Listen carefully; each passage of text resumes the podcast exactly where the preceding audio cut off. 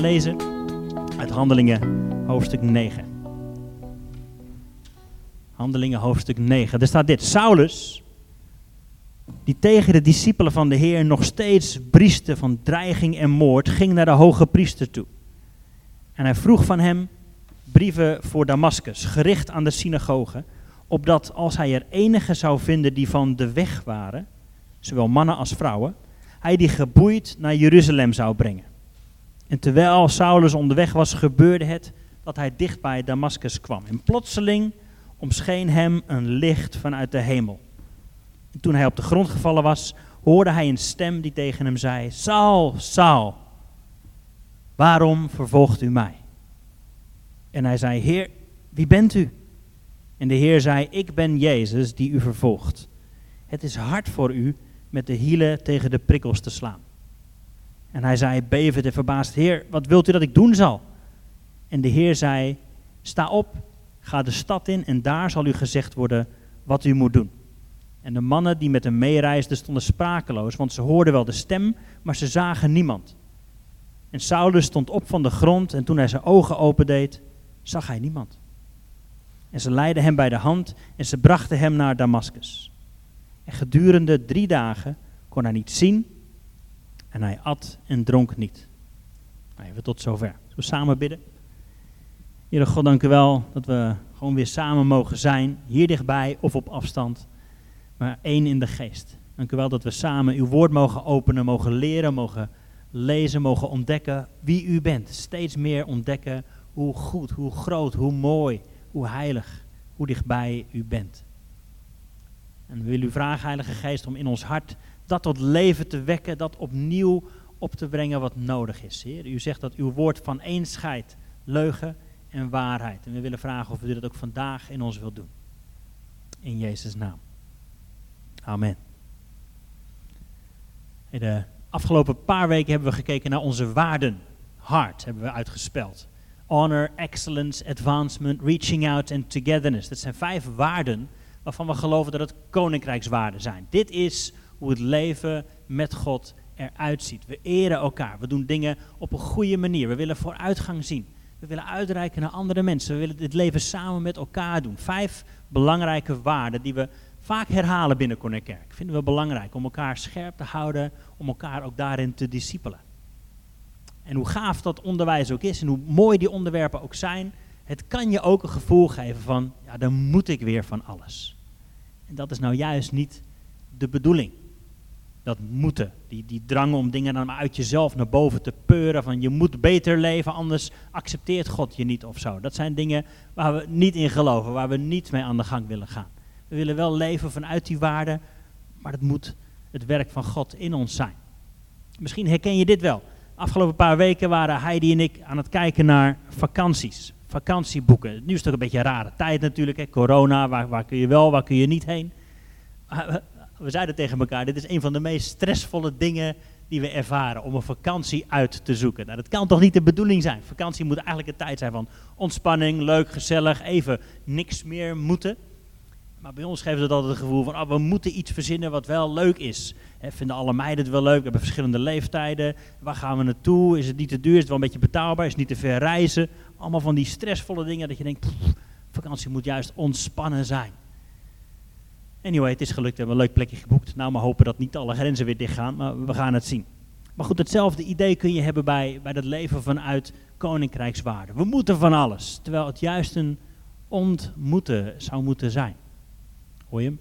Het zou vanuit een ontmoeting moeten komen. En daarom hebben we deze volgende serie ook zo genoemd. Ontmoeten. En dan kijken we speciaal naar ontmoetingen met Jezus. Ontmoetingen met Jezus. Want daar begint het eigenlijk allemaal mee. Een ontmoeting met Jezus. Nou, de Bijbel en zeker het Nieuwe Testament staat natuurlijk vol met mensen die Jezus ontmoeten, waardoor hun hele leven verandert. En dit is misschien wel een van de meest bekende. Saulus die onderweg is naar Damascus en Jezus ontmoet. Nou, we gaan dit stukje straks nog een keer lezen, vers voor vers, en dan gaan we nadenken, wat gebeurt er? Maar nog belangrijker, wat gebeurt er in mij door wat er hier gebeurd is? Wat gebeurt er in mij als ik dit lees wat hier gebeurd is? Nou, we gaan gewoon de versen er weer eens bij pakken. En we beginnen bij vers 1. Dus Saulus, die tegen de discipelen van de Heer nog steeds brieste van dreiging en moord. We maken kennis met Saulus. Als je een paar bladzijden eerder kijkt, zie je dat hij al eerder voorkomt in handelingen. Saulus staat erbij als een discipel van Jezus vermoord wordt. Dat lees je hier zo in hoofdstuk 7.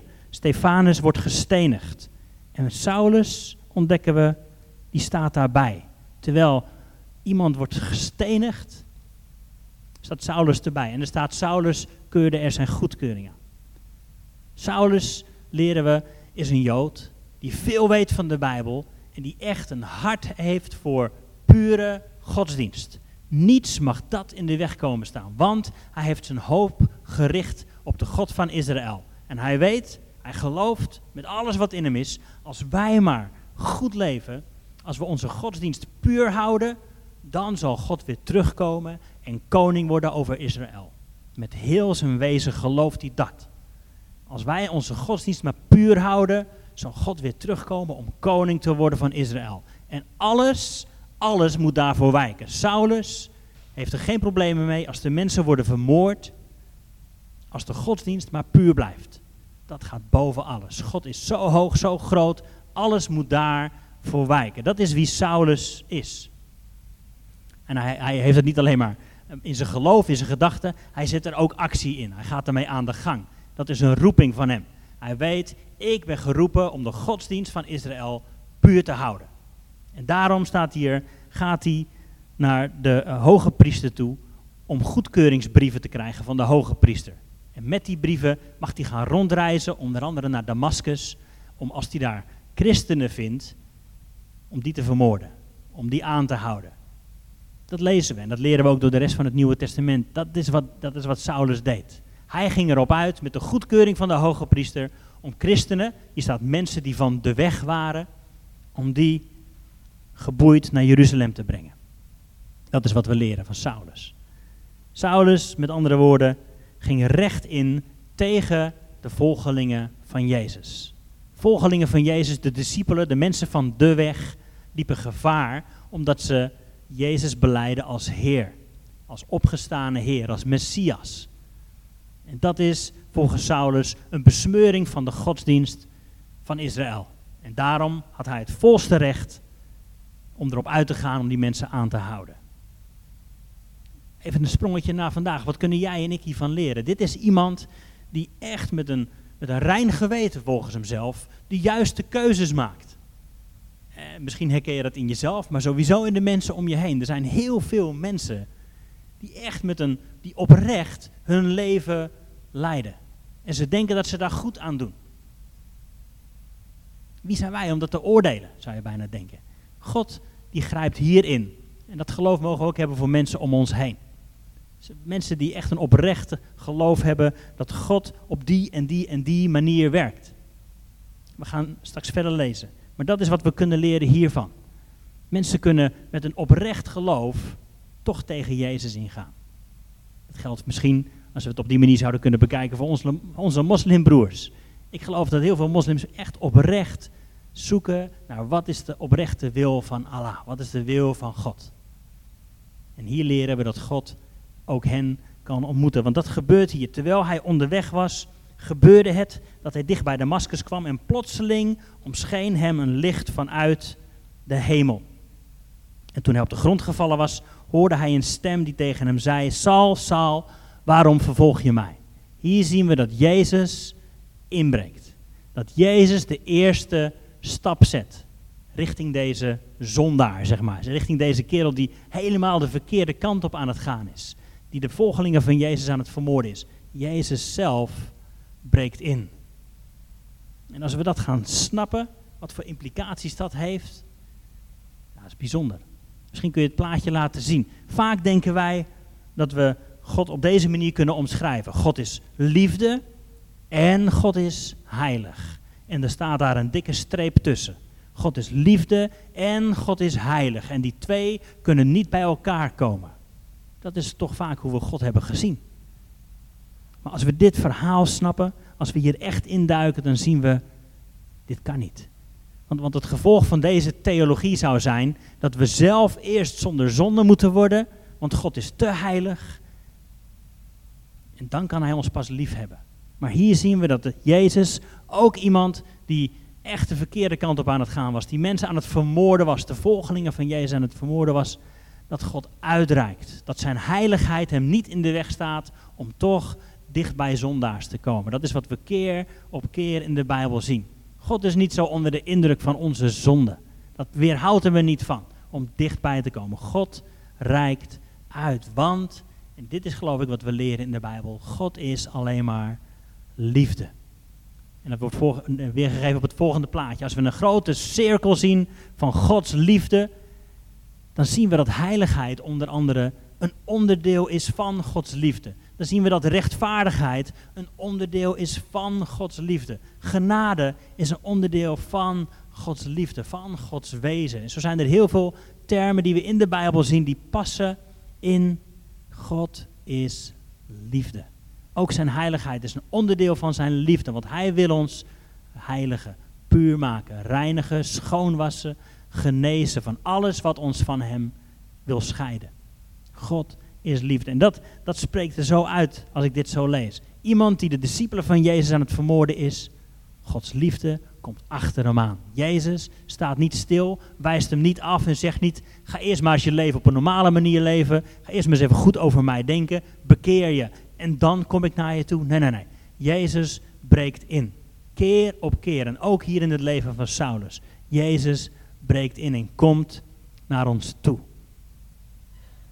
En toen Saulus op de grond gevallen was, want het is nogal niet wat. Dit kun je lezen alsof je een Donald Ducky leest, maar hier gebeurt iets heel bijzonders. Ze hoorde hij een stem en die zei tegen hem, Saul, Saul, waarom vervolg je mij? Saul, Saul, waarom vervolg je mij? Als je een naam twee keer ziet staan, dan gebeurt er iets heel bijzonders. Misschien leuk om thuis eens uit te zoeken. Er zijn zeven keren dat God de naam van een persoon twee keer noemt. Saul, Saul. Een andere hele bekende is Martha, Martha. Ik noem er nog eentje, de rest moet je thuis maar opzoeken. Abraham, Abraham. Als Abraham Isaac wil offeren, weet je wel, dan hoort, hoort hij ook een stem uit de hemel. Abraham, Abraham. Zijn naam wordt twee keer genoemd. Er gebeurt iets heel bijzonders. En dit is ook zo'n gelegenheid waarbij twee keer de naam genoemd wordt. Hier gebeurt iets heel bijzonders. Saul, Saul. En dan dit stukje, ook zo'n raar stukje. Waarom vervolg je mij? We lezen net dat Saulus de volgelingen van Jezus aan het, aan het vervolgen was. De discipelen, de volgelingen van de weg. En hier zegt Jezus, maar je vervolgt mij. Je vervolgt niet, niet mijn discipelen alleen, je vervolgt mij. En voor mij zegt dit alles, als je aan hun komt, kom je aan mij. Dat is wat Jezus hier zegt over zijn volgelingen. Dat is wat hij zegt over jou. Als je aan hem komt, dan kom je aan mij. Wij zijn het volk van Jezus, het lichaam van Jezus. Dat is hoe hij ons noemt. Wij zijn zijn lichaam, zijn bruid. Als je aan hem komt, dan kom je aan mij. Dat is wat Jezus hier communiceert. Vertel tegen Saulus: hey, waarom vervolg je mij? En Saulus, kan me voorstellen dat hij zich helemaal kapot is geschrokken. Hij was toch onderweg om het goede te doen. Hij was toch onderweg om de godsdienst van Israël puur en rein en heilig te houden. En dan hoort hij God zeggen, je vervolgt mij. Wie bent u, Heer? vraagt hij. En de Heer zei, ik ben Jezus die je vervolgt. En hier dan een stukje wat, wat wel in mijn herziene statenvertaling staat, maar misschien niet in de Bijbel die jij thuis hebt. Die staat, het is hard voor u om met de hielen tegen de prikkels te slaan. Klinkt een beetje oud-Nederlands natuurlijk. Het is hard voor u om met de hielen tegen de prikkels te slaan. Nou, dit staat, ik zei het al, staat niet in elke vertaling. Dit verhaal komt nog een paar keer voor in de handelingen. Het verhaal van Paulus of Saulus wordt drie keer verteld. Hier in hoofdstuk 9, maar ook nog verderop in hoofdstuk 22 en 26. En sommige oude geschriften hebben dit wel staan, andere hebben dit niet staan. Maar verderop komt het sowieso voor. Het is hard voor u om met de hielen tegen de prikkels te slaan. En als je dit wil snappen, moet je eigenlijk het volgende plaatje eventjes bekijken. Van een stelletje ossen die een land aan een ploegen zijn. Rund wat gebruikt wordt om het land te ploegen. En dat gebeurt nog wel natuurlijk wel eens, dat die, gast, dat die beesten er geen zin in hebben en dan met hun poten achteruit schoppen. Achteruit schoppen, met hun hielen trappen ze achteruit. Ze hebben er geen zin in. Ze willen de andere kant op, vandaag even niet, boer.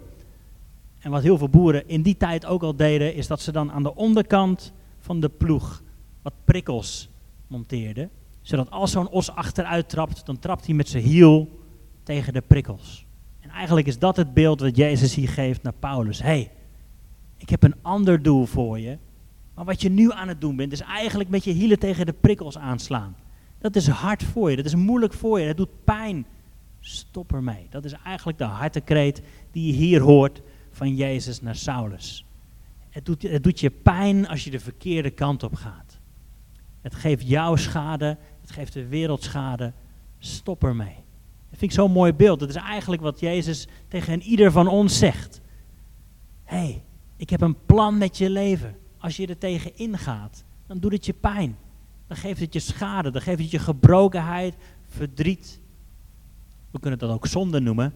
Maar dit is het gevolg daarvan in je leven. Het doet je pijn als je met je hielen tegen de prikkels aanslaat. Stop ermee. Er gebeurt heel veel in het korte verhaaltje. Het hele leven van Saulus was, ik zei het al, er zo op gericht om de God van Israël goed te dienen.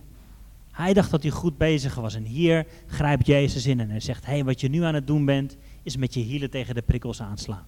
Stop ermee. Ik heb een ander plan voor je. En Saulus zei, vers 6, bevend en verbaasd, Heer, wat wilt u dat ik doen zal?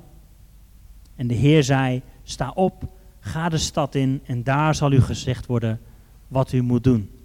We leren dat Saulus hier blind was. Hij kon niet meer zien, hij was afhankelijk van andere mensen. En het is nogal wat. De eerste ontmoeting die hij heeft met Jezus zorgt ervoor dat hij in één keer totaal afhankelijk wordt van andere mensen. Je moet maar eens doorlezen. Verderop in hoofdstuk 9 wordt hier genoemd dat Ananias moet gaan bidden voor Saulus, zodat hij weer kan gaan zien, zodat hij genezen wordt. In één keer is hij afhankelijk van juist de volgelingen van Jezus die hij aan het vervolgen was. Knipoog van God om te zeggen, hé, hey, je kunt het niet alleen. Ik heb een groep mensen die naast je wil staan en die dit samen met je wil doen. En misschien geldt het ook voor jou. Dat je in een ontmoeting met Jezus, dat je er in één keer achter komt. Eigenlijk weet ik helemaal niks. Eigenlijk sta ik nog maar aan het begin van een reis en dat is oké. Jezus geeft hier een groep mensen om Saulus heen met wie hij het samen mag gaan ontdekken. Dit is de eerste ontmoeting die Saulus heeft met Jezus. En eigenlijk kunnen we best zeggen dat de wereld er daarna totaal anders uit is gaan zien. Door deze Saulus vast te grijpen en om te draaien in zijn denken en in zijn leven, heeft Jezus een ongelooflijk krachtig wapen om de wereld in te sturen vol met liefde voor het koninkrijk van God, vol met de verloren mensen. Dat is wat Saulus uiteindelijk ging doen.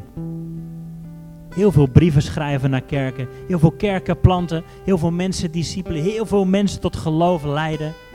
Iemand die eerst de totaal verkeerde kant op aan het gaan is. Vol met haat en bitterheid en wrok wordt omgedraaid en gaat leren liefhebben zoals Jezus dat deed. Eén ontmoeting met Jezus draaide zijn hele wereld om. Niet alle kennis van de wereld, niet, niet heel slim zijn, niet heel wijs zijn, niet alles wel kunnen, niet alles wel weten, niet alles alleen doen. Maar één ontmoeting met Jezus. En dat is wat ik jou toebid. Dat is wat ik voor jou hoop. Dat je misschien voor de eerste keer, misschien voor de tiende keer, een echte ontmoeting met Jezus zult hebben. En wat we hieruit kunnen leren is, het hangt er niet van af hoe goed jij bent. Het hangt er niet van af hoe goed je het allemaal op orde hebt, wat jij allemaal al kunt en snapt. Of jij een goede christen bent of niet, dat is geen voorwaarde voor een ontmoeting met Jezus. Jezus staat klaar. Jezus wil ook vandaag dicht bij jou komen. Dat is wat zijn liefde altijd doet. Het zoekt op wat verloren is. Het zoekt op wat alleen is. Het zoekt op wat gebroken is. Het zoekt op wat ver weg is. Dat leren we van bijvoorbeeld alle gelijkenissen die Jezus vertelt. Over het verloren schaap of over de verloren zoon. Jezus is altijd op zoek naar dat wat buiten lijkt te zijn. En hij zegt, je bent welkom thuis. Eén ontmoeting met Jezus. En hoe dat eruit ziet voor jou, weet ik niet. De komende weken gaan we nog meer ontmoetingen met Jezus bekijken. En die zien er allemaal anders uit, hebben allemaal een ander effect, een ander gevolg. We leren hier van Saulus dat hij uiteindelijk een volgeling van Jezus wordt. En dat hij anderen gaat vertellen hoe dat eruit ziet. Hij gaat kerken planten, hij gaat mensen helpen om te leven in overeenstemming met Gods wil. Zonder langer met de hielen tegen de prikkels aan te slaan. Maar te zeggen, Heer, u bent mijn Heer en ik wil u volgen. Het plan wat Jezus voor mijn leven heeft, dat wil ik omarmen. Dat wil ik steeds meer gaan snappen. Soms snappen we er geen, geen snars van natuurlijk. Maar Jezus wil ons leiden, stapje voor stapje. En dat is wat ik nogmaals wil bidden voor jou. Waar je ook zit in je leven, ik bid dat je een ontmoeting met Jezus zal hebben. We gaan zo een lied zingen en dat heet Oh come to the altar. The Father's arms are open wide. Vrij vertaald betekent dat kom, kom hier op het altaar.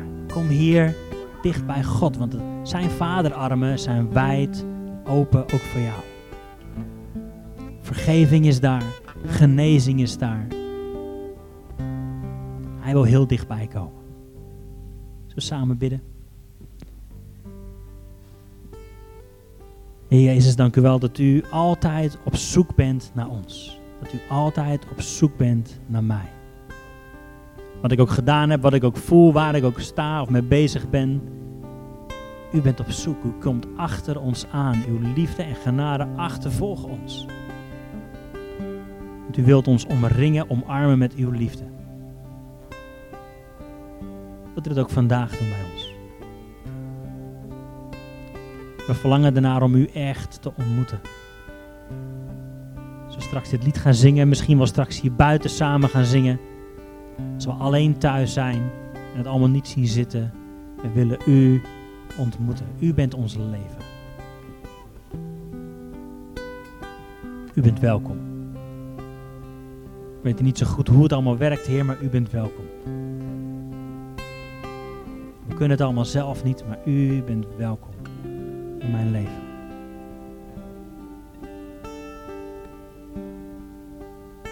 Heer Jezus, waar ik ook ben, waar ik ook, waar ik ook mee bezig ben, wil tegen u zeggen dat ik u wil leren kennen.